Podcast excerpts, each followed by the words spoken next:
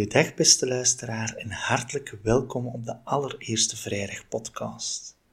Een jaar geleden zat ik samen met enkele collega's in de wagen op terugweg van een studiedag.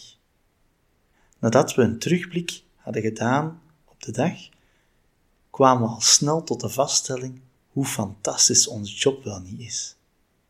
Wat een zegen dat we deze job kunnen en mogen uitvoeren. Meer dan 100 jaar geleden ging de allereerste Steinerschool van start in Stuttgart. Rudolf Steiner had hiervoor de nodige handvaten gegeven en gaf tegen hoog tempo voordrachten. Al die voordrachten zijn geboekstaafd, maar vraagt een ontzettende toewijding om die allemaal te lezen. Zeker als je als leerkracht nog je lessen moet voorbereiden je werk moet verbeteren, kijken naar nieuwe werkvormen. Al snel kwamen we in die wagen op het idee om een toegankelijke manier te vinden. Al grappend begonnen we te spreken over een podcast opnemen. En zo zie je maar, enkele maanden later zitten we hier met z'n drie aan tafel en gaan we van start met een eerste vrijdagpodcast. Alvast veel luisterplezier. Graag stellen we onszelf even voor. Ik ben uh, van Eyck, ik ben leerkracht in de middelbare Steinerschool in Turnhout. Ik ben al uh, eigenlijk heel mijn leven een klein beetje verbonden aan de Steinerschool. Ik ben uh, als peutertje begonnen in de peuterklas op driejarige leeftijd. En voor mij is dat traject heel logisch verder gegaan. Ik heb daar eigenlijk nooit vragen over gesteld. En ik ben tot zesde middelbare of twaalfde klas, zoals wij dat zeggen, uh, heb ik altijd op een Steinerschool gezeten. En nadien ehm, ben ik gestart aan een leraaropleiding. En voor mij was het heel logisch om dan ook naar een Steinerschool te gaan als het gaat over mijn werk. Um, en daar zijnde um, is natuurlijk de vraag om u te verdiepen met de antroposofie, hè, want dat is ons beginpunt en ons uh, middel om hoe we naar uh, onze lespraktijk kijken en naar de kinderen. Um, en via die weg ben ik me stilletjes aan aan het verdiepen geweest. Maar ik vind het gesprek nog altijd het fijnste. Dus dat is natuurlijk ook een van de redenen waarom we dit doen, om nog mee in gesprek te kunnen gaan en zo eigenlijk tot, tot studie te komen. Ik ben Griet, Griet Goossens. Uh, ik ben ook leerkracht op de middelbare Michaelschool in Turnhout. En voor mij uh, was tot vijf jaar geleden de antroposofie eigenlijk nog iets nieuws. Ik heb zelf heel klassiek onderwijs genoten en ik ben daar altijd heel gelukkig geweest. Ik zat op een uh, heel klassieke middelbare school met uniform, maar ik ben daar um, als jongere altijd heel blij geweest. En um, ik ben dan talen gaan studeren, waar ik ook echt mijn ding vond. En dan ben ik, heb ik een klein zijsprongetje genomen en ben ik als uh, opvoedster gaan werken met jongeren, uh, eh, 19 jaar lang. En toen kriebelde op een of andere manier uh, het Nederlands en het onderwijs toch nog terug. En toen kwam ik de advertentie tegen dat de middelbare Michaelschool een leerkracht Nederlands zocht. En um, ben ik daar heel gelukkig terechtgekomen. En heb ik de mogelijkheid gehad om de school mee uit te bouwen. Waar we nu uh, vorig jaar onze eerste twaalfde klas hebben afgeleverd. Um, en antroposofie was voor mij een beetje thuiskomen. Uh, de dingen die ik deed of dacht, uh, waren blijkbaar al eens bedacht en hadden al woorden gekregen en was al opgeschreven in boeken en dat voelde echt als thuiskomen. Um, en wij studeren ook met het college. En dat inspireert mij ontzettend hard. Uh, en dat motiveert mij ook om deze podcast mee te maken samen met Chef en met Herman hier mee aan tafel. Um, omdat het mij altijd elke keer opnieuw energie geeft en inspiratie om die week in te gaan en weer met de leerlingen met nieuwe inzicht aan de slag te gaan. Uh, en voor mij is dit een manier om dit ook met uh, wie maar wil te delen. Herman. Ja, ik ben Herman Meijvis. Ik ben eergisteren 70 jaar geworden, dus ik ben zo'n beetje het oudje hier in, onder ons gedrieën. Uh, als kind heb ik gewoon klassiek uh, onderwijs gevolgd. Uh, dat, ik woonde in het Antwerpse en dan ben ik wetenschappen wiskunde gaan studeren aan het college, het Jesuitencollege, bekend daar. En wat ik me ervan herinner is dat ik daar nooit enthousiast van thuis kwam. Ik deed de dingen, ik was goed in die vakken, ik studeerde er niet voor en toch haalde ik het altijd. Maar het heeft me nooit beroerd. Mijn echte leven speelde zich af buiten de school. De jeugdbeweging, de sportclub, de parochie, de straat, want we hadden nog echt een speelstraat in die tijd. En ik ben gaan studeren. Ik heb uh, bouwkunde gestudeerd en heb ook uh, de eerste zeven jaar gewerkt als, als ingenieur bouwkunde. En het pas na die zeven jaar uh, is op een flits bij mij binnengekomen. Dit is niet de toekomst waarvoor ik heb gekozen. Innerlijk voel ik dat, dat ik een andere weg moet inslaan. Maar welke, dat wist ik niet. Ik ga nu mijn biografie niet helemaal vertellen, maar wat wel sluimerde was, ik wil de kinderen van deze tijd niet diezelfde ervaring laten doormaken als die ik zelf heb gehad, namelijk de school is een noodzakelijk kwaad en uh, je moet de dag zien door te komen en het jaar zien door te komen en je middelbare schooltijd zien door te komen, aftellen. Uh, dat vond ik uh, zelf niet prettig en dat zou ik ook niemand willen toewensen. En de, op bepaald moment in mijn biografie kwam weer als een flits de vacature van de Steinerschool en ben ik daarin gestapt en is mijn echte leven pas begonnen. En ik wil uit die bijna 40 jaar ervaring die ik heb als leerkracht uh, wel delen hier via de podcast. Uh, tijd voor ons gesprek. Uh, waarover willen wij deze eerste vrijdagpodcast hebben? Um, misschien wel interessant voor iedereen die luistert en nog eens voor ons om opnieuw te horen waarom die eerste Steinerschool ooit werd opgericht. Ehm, en wie was dan de man uh, die, dit allemaal heeft gerealiseerd? En wat is de rol van de antroposofie daarbinnen? Want Steinerschool en antroposofie wordt vaak in één noemer genoemd, maar um, hoe gescheiden zijn ze of hoe samen zijn ze eigenlijk? Uh, wat is de evolutie van onze schoolbeweging, van de Steinerschool? En hoe actueel kan een school zijn die eigenlijk, of een beweging zijn die eigenlijk 100 jaar oud is? Herman, heel veel vragen voor jou. Oh, ja. Ja, dat zijn heel wat vragen. En, uh, hoe is het eigenlijk begonnen?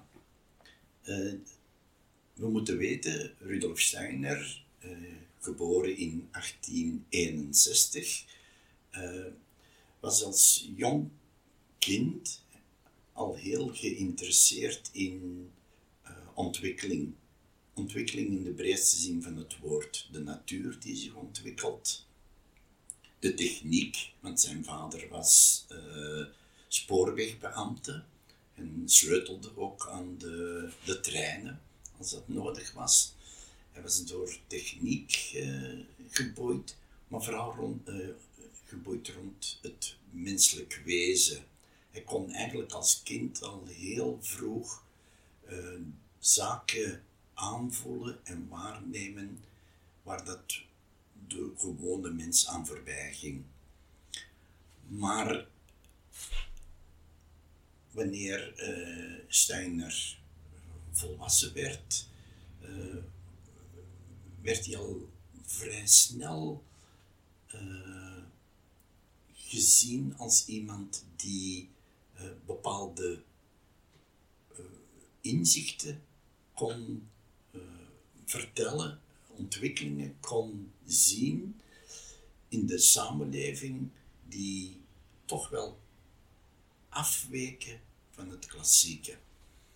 Maar dat kreeg natuurlijk zijn, zijn dat vroeg tijd. En in die periode was de theosof, theosofie of de theosofische vereniging wel aan het opkomen, was bekend als zijnde een, een beweging die los van het zintuigelijke ook de geestelijke wereld betrok. En Steiner voelde zich daar direct toe aangesproken, werd er ook voor gevraagd om bij die theosofische vereniging te komen. Werd als heel snel voorzitter van de theosofische vereniging in Duitsland. En zo uh, kreeg hij eigenlijk een forum om Europa rond te trekken en te spreken rond zijn eigen uh, ervaringen en bevindingen. En door dat rondtrekken door Europa kreeg hij natuurlijk ook heel wat uh, mensen die met hem bevriend geraakten. En zo was er ook een uh, fabrieksdirecteur in Stuttgart, Emil Molt. En die was telkens zo enthousiast over wat Steiner vertelde in zijn voordrachten, dat hij naar Steiner toe stapte en vroeg: Zou jij voor mijn arbeiders van het fabriek niet telkens elke week een uurtje willen komen spreken, gewoon over de vragen die die mensen bezighoudt over het leven? Steiner uh, stemde daarin toe en zo zijn de zogenaamde arbeidersvoordrachten ontstaan. Ze zijn gebundeld en ze zijn ook eh, te lezen. En het voordeel is dat het vrij laagdrempelig spreken is van Steiner, want wie uh, de literatuur in de boeken en de voordrachten van Steiner leest, weet dat dat uh, heel moeilijk taal is, heel moeilijk te begrijpen is. Maar voor die arbeiders sprak hij heel toegankelijk. En die mensen die zagen er naar uit dat Steiner weer eens kwam spreken. Ze, ze bereidden hun vragen voor. En hij ging echt daar onmiddellijk op in, op elke vraag. Die nam hij heel serieus. En dat ging over uh, bijvoorbeeld hoe werkt alcohol in op de mens, uh, over voeding, over geneeskunde, maar ook over de politiek, over de oorlog die nakende was en uh, alles kon aan hem gevraagd worden. Het werd een Eerste Wereldoorlog in 1914 en uh, ja, er was een heel gedrukte stemming, zowel in Duitsland, maar als in heel Europa. En ja, die arbeiders die zeiden, maar dokter Steiner, want ze noemden hem dokter, dokter Steiner, uh, onze kinderen, die maken toch een heel moeilijke periode door, kunnen we geen school voor hen oprichten die hen uh, boven de zorgen uh, van, van deze tijd kunnen doen uitstijgen. Een school die hen bemoedigt, die hen naar de toekomst doet kijken, die hen misschien een andere manier laat kijken naar de dingen dan wat uh, in deze tijd nu heel uh, ja, ontmoedigend is. En Rudolf Steiner is iemand die heel zijn leven altijd gewacht heeft op vragen. Wanneer er geen vraag komt, heb je eigenlijk geen recht om te spreken, hij. En, en zo uh, was hij heel opgetogen over de vraag: kunnen we geen school opstarten die beantwoordt aan de vragen van de tijd? In 1919, kort na die Eerste Wereldoorlog, is in Stuttgart de eerste vrije school gestart. Rudolf Steiner zelf was natuurlijk niet in de mogelijkheid, omwille van zijn drukke bezigheden, om zelf heel actief in die school te gaan staan.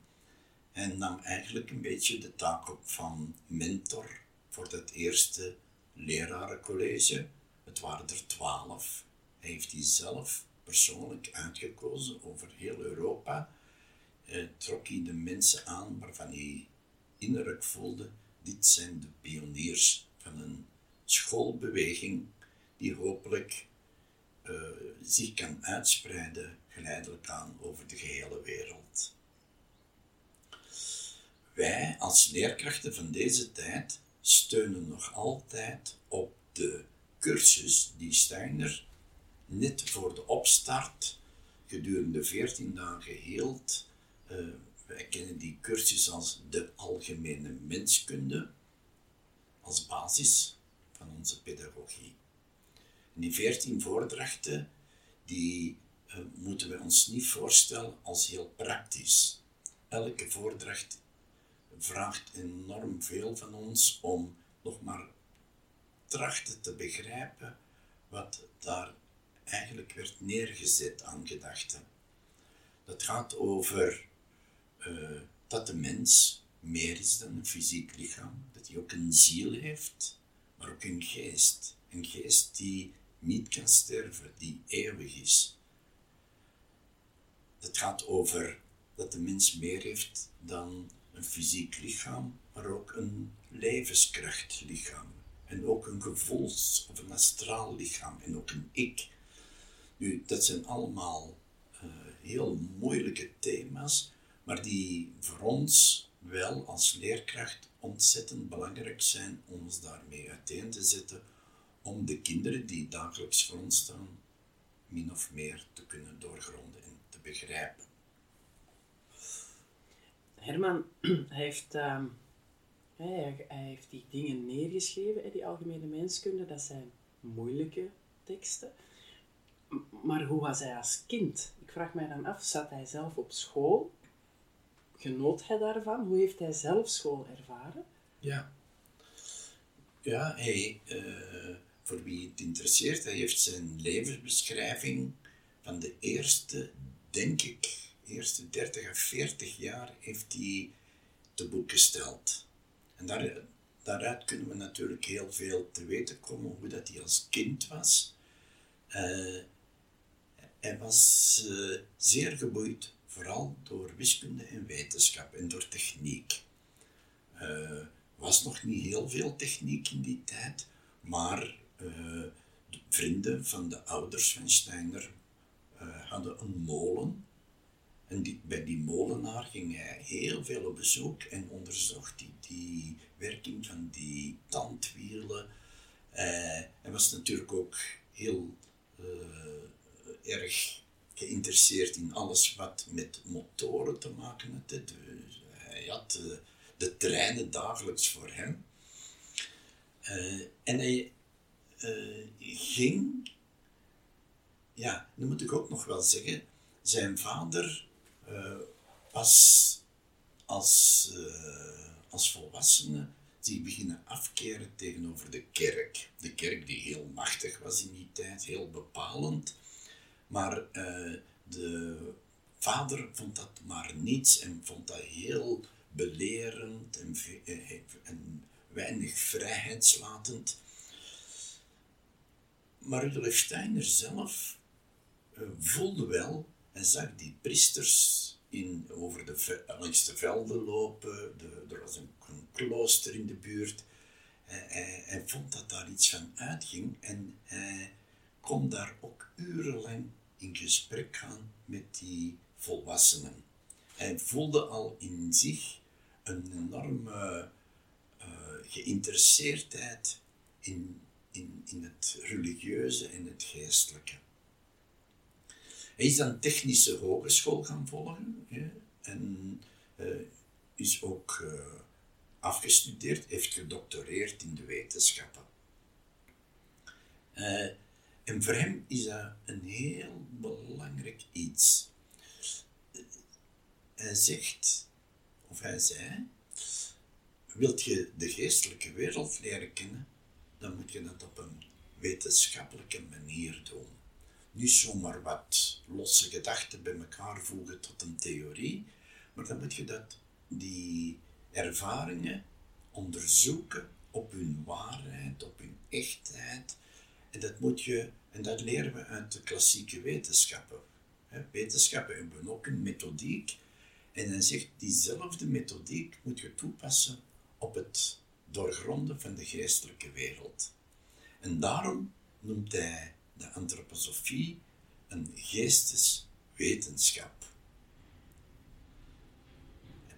Hij vraagt ook aan zijn toehoorders, en eh, dat waren er natuurlijk in die tijd duizenden, om niet zomaar aan te nemen op basis van gezag of van opkijken naar hem, maar hij, hij zei telkens, onderzoek het.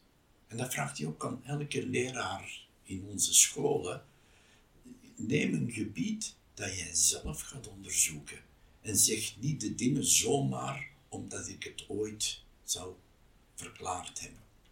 Dus dat is, uh, dat is wel heel typisch voor Steiner. Hij is een wetenschapper, maar niet alleen een wetenschapper van de materiële wereld, maar ook van de geestelijke wereld. En zijn grote missie, eigenlijk, kunnen we zeggen, is de beide aspecten van de wereld, het, de materiële wereld, de geestelijke wereld, in elkaar te doen haken. Want niets staat in tegenstelling tot elkaar.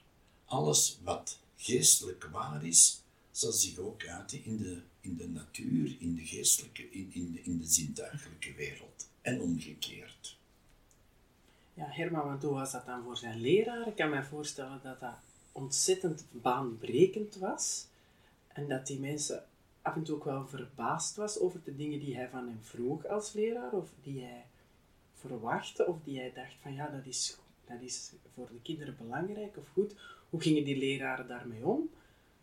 Konden die dat van de eerste keer, of hoe was dat dan? Ja, ja. En hoe was die school? Hadden die een gebouw? Uh, of was dat ergens in de fabriek dat die zaten? Nee, gelukkig was Emiel Molt uh, iemand die de nodige fondsen had, die, die wel welstellend was. En hij heeft de opstart, de fysieke opstart van de school helemaal op zich genomen. Later zou natuurlijk die kosten de, de pan uitzwieren, want ze zijn begonnen met kleuterklassen tot en met de achtste klas in één keer. En onmiddellijk zat die school vol. Steiner wilde ook dat het niet enkel kinderen waren van de fabrieksarbeiders en bedienden, maar voor, voor iedereen uit de omgeving, zeker ook de kinderen natuurlijk van de antroposofen, die uh, stiltjes aan in, in aantal sterk toenamen. Ook zij konden uh, in die school, in die eerste Stuttgartse school, uh, starten.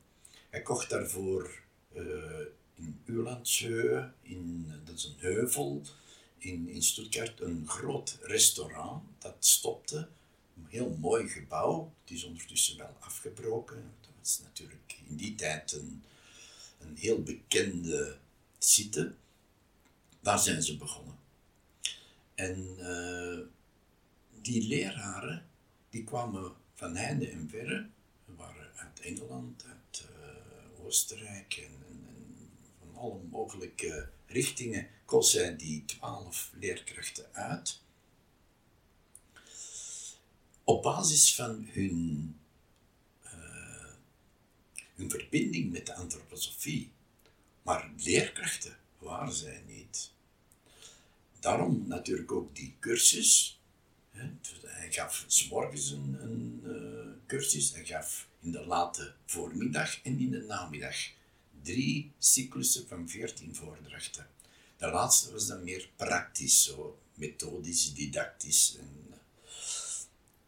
nu, hij startte met de school, hij probeerde wekelijks, maar soms was het ook, was er een maand tussen, volgde hij het lerarencollege, gaf hij raadgevingen, besprak hij kinderen uh, samen met, met die uh, leerkrachten enzovoort.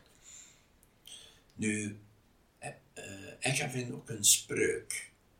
Een spreuk waarmee dat zij elke dag hun eigen, hun eigen dag moesten mee afsluiten om te vragen naar een, de nodige inspiratie en kracht die vanuit de geestelijke wereld uh, klaar zit, maar die enkel maar zal doorstromen als daarom gevraagd wordt. Dus een, een vragende spreuk. Maar zelfs met al die hulpmiddelen en steun brachten die mensen daar niets van terecht. Na twee jaar gaf hij een nieuwe cursus en hij begon met te zeggen: Lieve mensen, ik moet zeggen, je hebt er niks van terechtgebracht. Dat was natuurlijk even slikken, maar hij moest ook de lat hoog leggen. Hij zegt: De meeste van jullie hebben er niks van begrepen. Laat ons opnieuw van start gaan. Niet dat de kinderen dat voelden, want uiteindelijk waren dat allemaal topmensen en waren dat liefdevolle mensen. Maar uh, ja, weet je, als honderden jaren lang het onderwijs in een bepaalde richting is geëvolueerd en zij zelf hebben dat onderwijs genoten, is dat heel moeilijk om plots iets totaal nieuws in de wereld te zetten. Dus die mensen hadden daar tijd voor nodig. Maar goed, uh, hij gaf nooit op. Hij heeft heel wat tegenslagen gekend in zijn leven, maar elke tegenslag was voor hem een uitdaging om, om weer een nieuwe uh, blikrichting uh, te nemen en, en andere niet andere uitgangspunten, maar om toch weer een nieuw elan te vinden. Herman, um, je spreekt over die antroposofische beweging die aan het groeien was. Um, maar waar komt die dan vandaan? Bestond dat al lang? Is dat iets dat samen met Steiner is ontstaan? Ja, dus de antroposofische vereniging is ontstaan vanuit de theosofische vereniging. Dus de theosofie, uh, vooral vanuit Engeland uh, geïmpulseerd werd, en waar de Steiner dan uh, in de eindjaren, ja, ik denk zo'n 1908, daar is toegetreden. Durf dat jaartal niet meer 100% zekerheid zeggen. Ik weet wel dat hij in 1914 is daar uitgestapt. Uh, omwille van het feit dat zijn eigen geestelijke ervaringen niet strookten met die van de Theosofische Vereniging. En is hij, uh, heeft hij een eigen beweging gestart, de antroposofie. Maar natuurlijk, heel wat theosofen zijn overgestapt naar de antroposofie. En hij, waar hij ook kwam, hij, ging naar Finland, naar Noorwegen, hij, in Nederland is hij heel veel geweest, Oostenrijk. Overal waar hij kwam, was al op voorhand, weken op voorhand, de zalen uh, uh, volgeboekt. Dus hij, hij, kreeg in Europa echt wel een, een, een stem. Dus, uh, en die antroposoof, die antroposofische vereniging, die zocht geleidelijk ook een centrum van waaruit uh, vorming en uh, initiatief zou kunnen genomen worden naar de wereld. En dat is het Dornach geworden, Dornach in Zwitserland, ook een, een mooie site op een heuvel, waar nu, wie in Zwitserland passeert, moet dat zeker gezien hebben, het Goetheanum. Dat is een gebouw, de naam verwijst naar Goethe.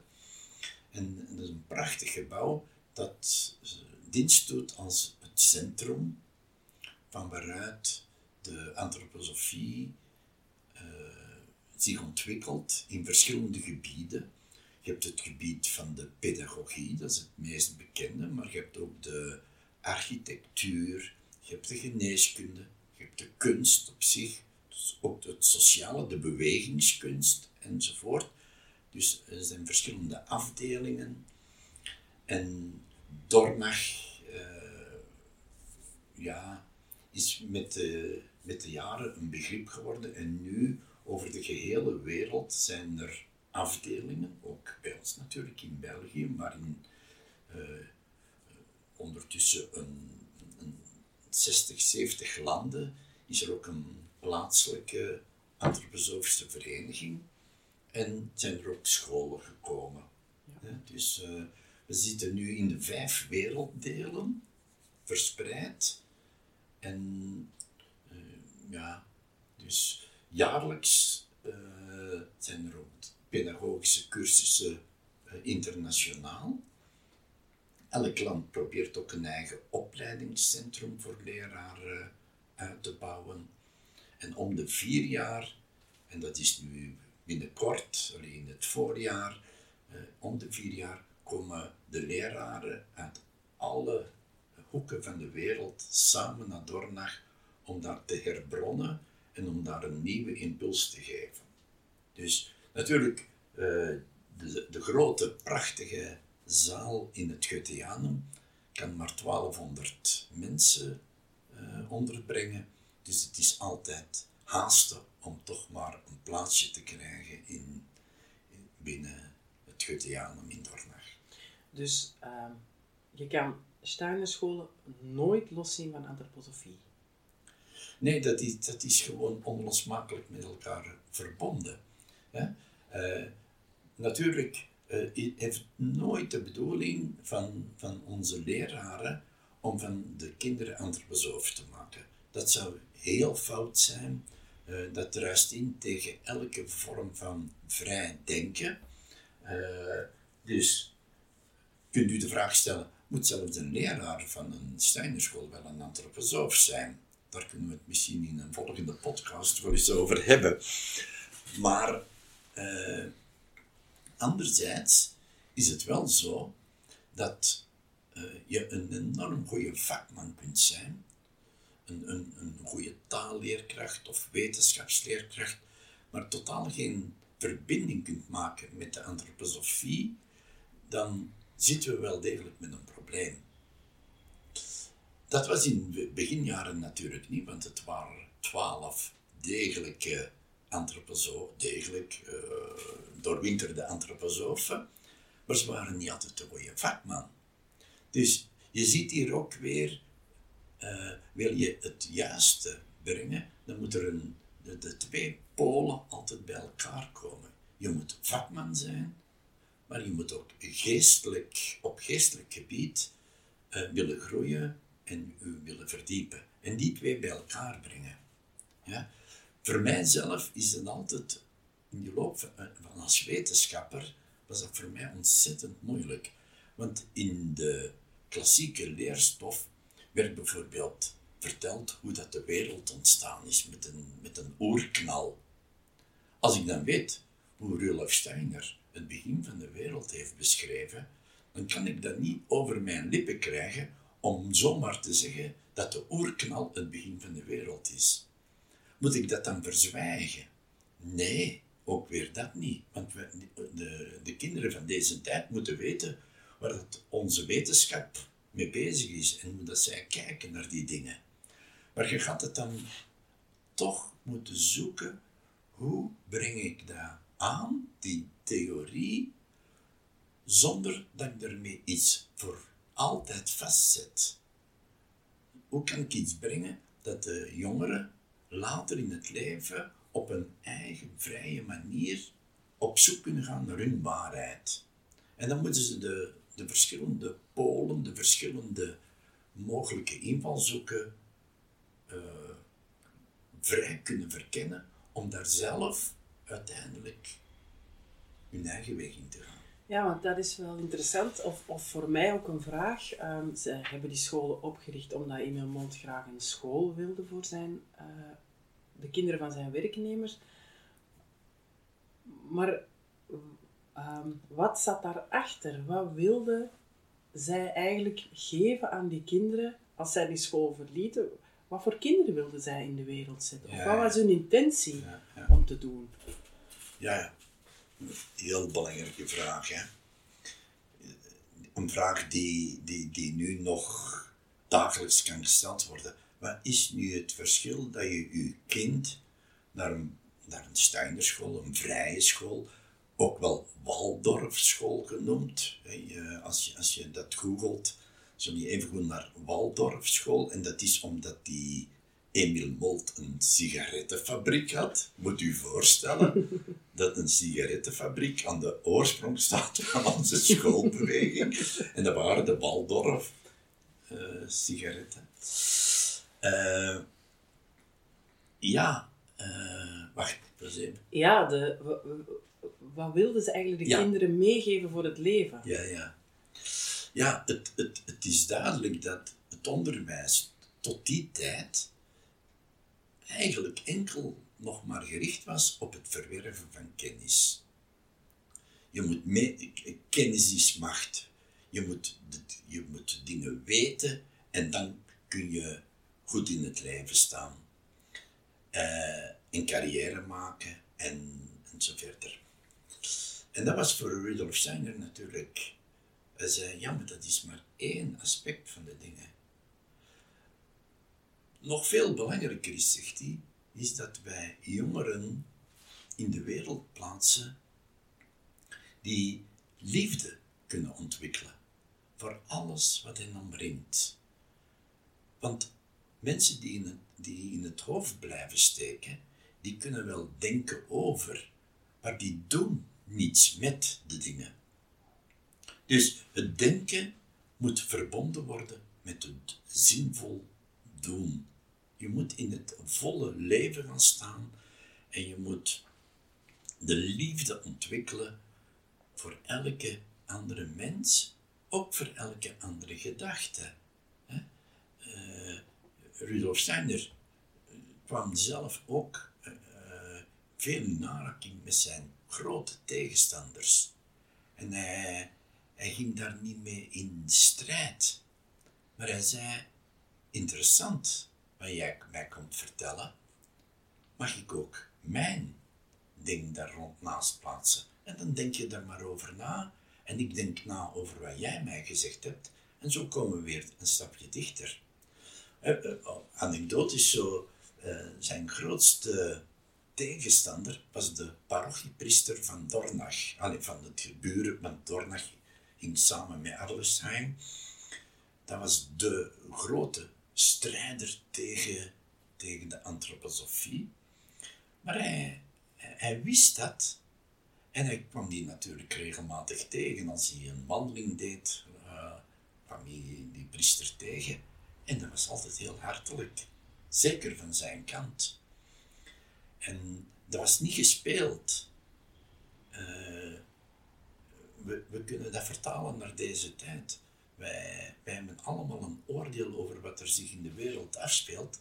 En wij gaan direct de vijand benoemen en de tegenstander. En we, we zouden niet liever hebben dat die neergesabeld worden en, en dit en dat. De vraag is of dat de juiste manier is. Ja? Wil je dat, daarmee zeggen dat alles wat uw tegenstanders doen, dat je dat goed moet vinden? Nee, uiteraard niet. Maar begrip hebben voor het andere is dan een heel belangrijk uitgangspunt. En ja, uh, als wij kijken naar onze eerste afgestudeerden en zien wat, wat geboeide mensen dat dat zijn, dan hebben wij vertrouwen dat er weer al kiemen gelegd zijn voor een toekomst, een samenleving die uh, een antwoord weet te bieden op de kille uh, soms heel technisch geworden wereld van ja, de geneeskunde, de, ja, de politiek, die heel rationeel naar de dingen kijkt, uh, een beetje verheven. ja, ik denk dat dat toch, als we dat kunnen blijven verzorgen, dat we in de eerste plaats kijken naar wie zijn die kinderen? Wat brengen zij mee in het leven? Waar kunnen zij enthousiast voor zijn? Dat we dan, en dan denk ik weer aan mijn begin van mijn verhaal, dat ik dat niet ontmoette in mijn tijd, Dat ik daar alleen maar een uur lang niet anders moest doen dan trainen en de kop gebruiken. En, en daar is niks op tegen, maar er was geen tegengewicht. Ik weet dat wij ooit in een van de jaren één uurtje muziek hebben gekregen. Daar moesten we het mee doen in die zes jaar. Hoe arm is dat? We hebben nooit ons gevoel mogen weten te kanaliseren via schilderopdrachten of via toneel. Ja, we hebben een eindtoneel gedaan, dat weet ik nog. Maar dat was zo ja, technisch dat het ook weer zijn bedoeling voorbij ging. Van, ja. Ja, Herman, je zei van uh, Steiner vond het hele technische en wetenschappelijke stuk zo belangrijk.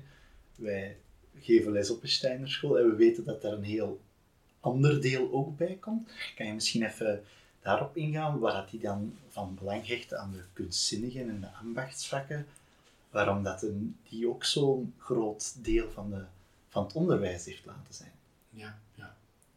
Ja, eigenlijk uh, dan zijn we zo al eens algemeen aan het kijken naar, en dat was ook een beetje het thema van volgende week, ja. van wat zijn de uitgangspunten uitgangspunten zijn in elk geval dat wij uh, de mens in zijn drieledigheid, ja, uh, ik heb ze daar straks vernoemd, het fysieke, het zielsgebied en het geestelijke, eh, dat we die moeten verzorgen.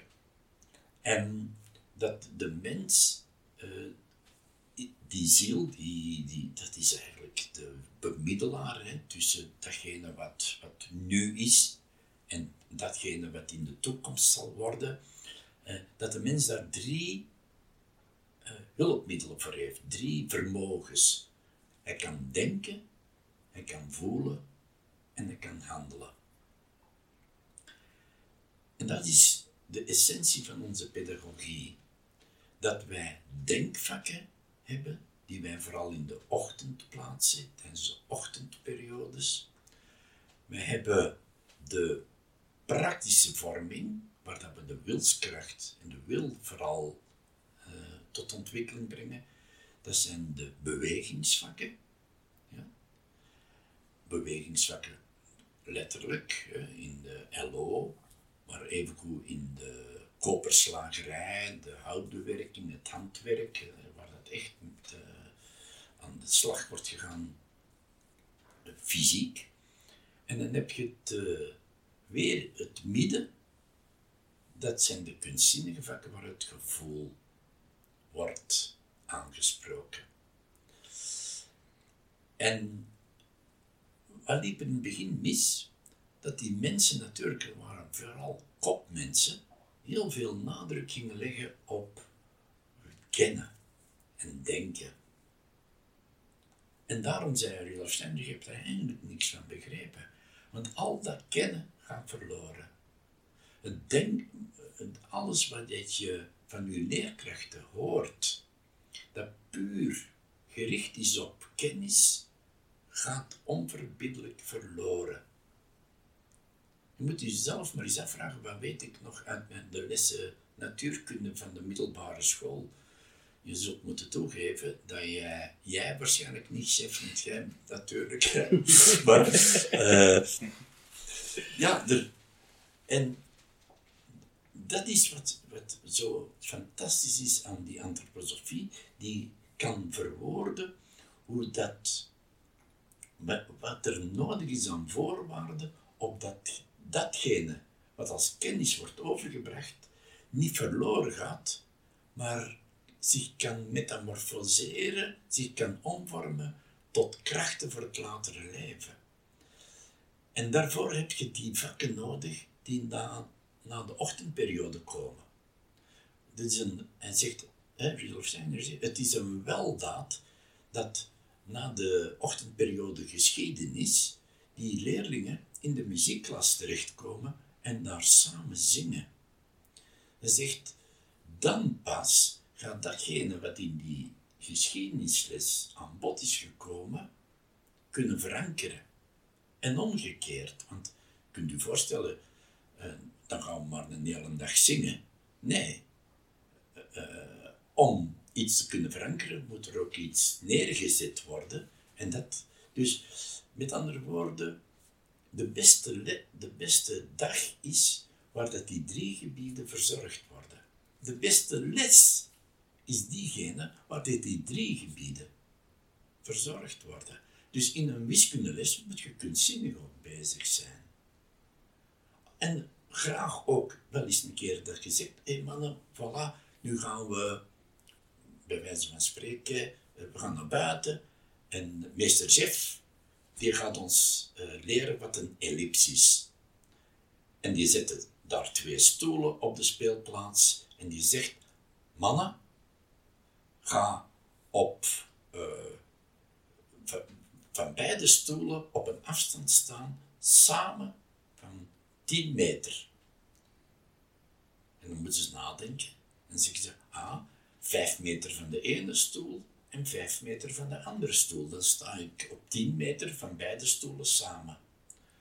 Ja, zegt een ander kind, maar er kunnen maar twee leerlingen dan daar plek nemen. Aan de ene kant van de twee stoelen en aan de overkant. Maar ik kan even goed gaan staan. Twee meter van de ene stoel en acht meter van de andere stoel. Ziet je? En dat is even chaos en even zoeken op die speelplaats. En dat je denkt, waar zijn we mee bezig? Ik had het beter op het bord getekend. Maar door het doen en door het zoeken ontstaat er ineens die verwondering. Hé hey mannen, zie eens hoe dat wij hier staan. In, in, in een platgedrukte cirkel. Het is geen echte cirkel meer, het is een langgerekte ovaal, zeggen dan sommigen. En zo ontstaat het dan. Die gaan dat nooit nog vergeten. En zo zijn er talrijke voorbeelden in onze pedagogie waar dat die drie gebieden gewoon aan elkaar moeten verbonden worden. En wij weten ook, als, als de muziekjuf zegt, amai, wat zijn ze vandaag onrustig binnengekomen? Dan weet je dat, die, dat de leerkracht van de les daarvoor iets niet juist heeft neergezet. Er- Die onrust is geen voedingsbodem om neer te zinken tijdens de muziekles. En die moeten die twee leerkrachten maar eens in gesprek gaan. Wat is er gebeurd? Want vorige week kwam ze zo rustig binnen. Het was een zalige les. Ik kon onmiddellijk driestemmig zingen. En vandaag heb ik een hele tijd moeten opspelen, want er kwam maar geen rust. En dan kan die leerkracht geschiedenis even denken en zeggen, wat heb ik anders gedaan? Dat is onderzoeken. Ah ja, nu besef ik het. En dan komt er tot, tot inzicht. Dus ja, dat is zo een, een voorbeeldje waaraan dat je kunt zien, die drie gebieden, die drie soorten vakleerkrachten, ja, dat moet in elkaar haken. Mag ik even nog eens terug in de tijd gaan. Eh, want we gaan nog veel pot, eh, vrijdag podcasten maken waarin dit zeker nog eh, besproken wordt. Herman, die Steinerschool, heel lang geleden, hè, heeft Rudolf Steiner dat vastgehouden of heeft hij dat terug losgelaten? Hoe heeft zich dat verder ontwikkeld toen in die tijd? En is dat moeilijk geweest of is dat eigenlijk, was dat makkelijk? Ja. Waren mensen daar klaar voor of blij om dat dat er was? Nee, dat, dat werd eh, heel snel een enorm succes. Eh, dus al snel moesten er nieuwe scholen bij eh, komen. Nederland is daar heel snel in geweest. Ik denk in 1922, dus drie jaar na de eerste, is er ook in Nederland, in Den Haag, de eerste nieuwe vrije school gestart.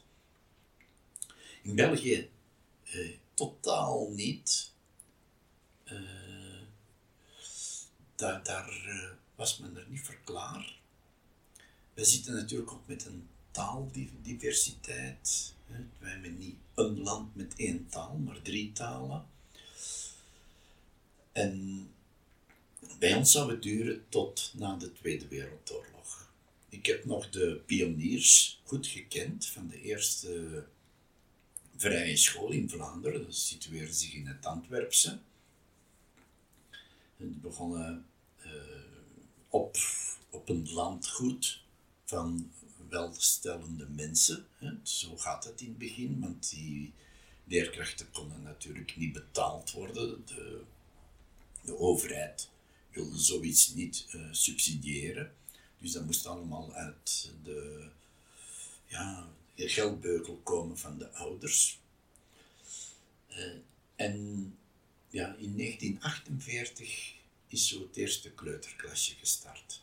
En dan geleidelijk aan in de jaren 50 eh, dan de eerste kleuter- en uh, lagere school. En in 1970 is pas de eerste middelbare school gestart. Uh, maar Rudolf Steiner heeft ook, is vrij jong gestorven, zullen we maar zeggen. In 1925 is hij gestorven. Ook daar, over de figuur van Steiner, moeten we zeker nog eens diep op ingaan. Wat die man uh, in zijn leven heeft moeten realiseren en doorstaan. Maar die was op, die is opgebrand. Dat lichaam was totaal op. In, uit, beschrijvingen van mensen die dicht bij hem stonden, die wisten dat Steiner niet meer dan twee à drie uur per nacht sliep. En dan nog was dat geen vaste slaap. Die, die, ja, was die op een bepaalde plek, die was in München bijvoorbeeld, of die was in uh, Berlijn of, of Den Haag of Stockholm. Je kunt je voorstellen dat de mensen stonden aan te schuiven om met hem een gesprek te voeren. Dat kon een biografisch gesprek zijn van wat is mijn taak in het leven, maar dat kon ook zijn een nieuw initiatief dat moest ontstaan, raadgevingen. Dus uh, Rudolf Steiner, die, dat was tot, tot 1, 2, 3 uur s'nachts dat hij reincarneerde mensen ontving, dan even kort de deur sloot, maar om 6 uur was hij terug, de eerste mensen terug aan het ontvangen. Dus dat, je kunt u voorstellen dat hij zijn lichaam natuurlijk opbranden. Ja? Maar voor hem was dat zo belangrijk, de korte tijd dat hij dan initiatieven kon nemen, dat dat, dat ook ja, ten volle moest zijn. Hoe oud is hij geworden? Uh, hij is 64 geworden. Ja. ja. En ehm, heb jij het idee, Herman, dat de fundamenten die hij gelegd heeft, misschien wel in de vorm van de vele boeken die hij geschreven heeft, dat die sterk genoeg waren om die schoolbeweging te dragen? Of zeg je van, ja, absoluut, maar we moeten daar ook mee aan de slag? Ja, ja. Ja, ja we moeten het niet hebben van alles wat er schrift staat. Natuurlijk, hij heeft niet heel veel boeken geschreven. Hij heeft vooral ontzettend veel voordrachten gehouden. Uh, ik geloof in totaal een 8000, uh, eh, heb ik eens ooit gelezen. Die zijn natuurlijk allemaal Ehm, eh, er was nog geen eh, podcast mogelijk, nog geen apparatuur. Dus eh, alles werd in steno opgeschreven en dan uitgeschreven. Rudolf Steiner had natuurlijk niet de mogelijkheid om al die voordrachten die dan uitgeschreven waren, om nog eens te controleren. Soms deed hij dat wel. Maar je ziet in die voordrachten geregeld drie puntjes staan van hier heb ik niet kunnen volgen of hier weet ik het niet meer juist welk woord dat hij net uitgesproken heeft. Dus dat, was, dat is niet eenvoudig. Uh, ja. Dus ja, hij heeft denk ik heel veel achtergelaten waarmee wij het zullen moeten kunnen doen. Maar zoals ik al zei, wij moeten er iets aan toevoegen. We mogen dat niet gewoon overnemen, niet klakkeloos, omdat Steiner heeft gezegd dat de letter K in de eerste klas als koningsletter moet benoemd worden. Uh, en zo verder. En de Z is de zwanenletter. Hè. Dat kun je uit het, de fysionomie van dat dier wel afleiden. Dat, dat er geen leerkracht uh, de Z op een andere manier gaat aanbrengen. Natuurlijk uh, mogen wij niet zo dogmatisch zijn. Helemaal niet. Uh, dat maakt natuurlijk ook dat er heel wat discussies tussen de, de oude leerkrachten die vinden dat het eh, toch zo moet. En de jonge leerkrachten die dan fris nieuw andere gedachten naar voren brengen. Eh, dus ja, ook dat moet weer in, in elkaar passen. De ene moet luisteren naar de andere. Maar ik denk wel dat wij ontzettend veel geschenken hebben gekregen in de vorm van voordrachten. En, uh, en ook mensen die na Steiner vanuit hun eigen onderzoek heel veel hebben toegevoegd. Ja. Denk je dat als hij nu zou terugkomen, zou zeggen, mannekes, je hebt er niks van begrepen? Of uh, dat hij zou verwonderd zijn over wat er allemaal is gebeurd ja. zijn gedachtegoed? Ja, soms uh, grappen wij zo wel eens onder elkaar, zo met de oude, de oude antroposofen, zo. Zou Steiner zijn eigen kinderen naar een Steinerschool sturen? ja, die vraag kunt u stellen, hè? Ja, ja, ja. Wat moet ik daarop antwoorden? Als, als ik zie mijn, mijn voorbije zes jaar in de, in de Michaelschool, zou ik zeggen, ja, daar wordt echt serieus goed werk geleverd.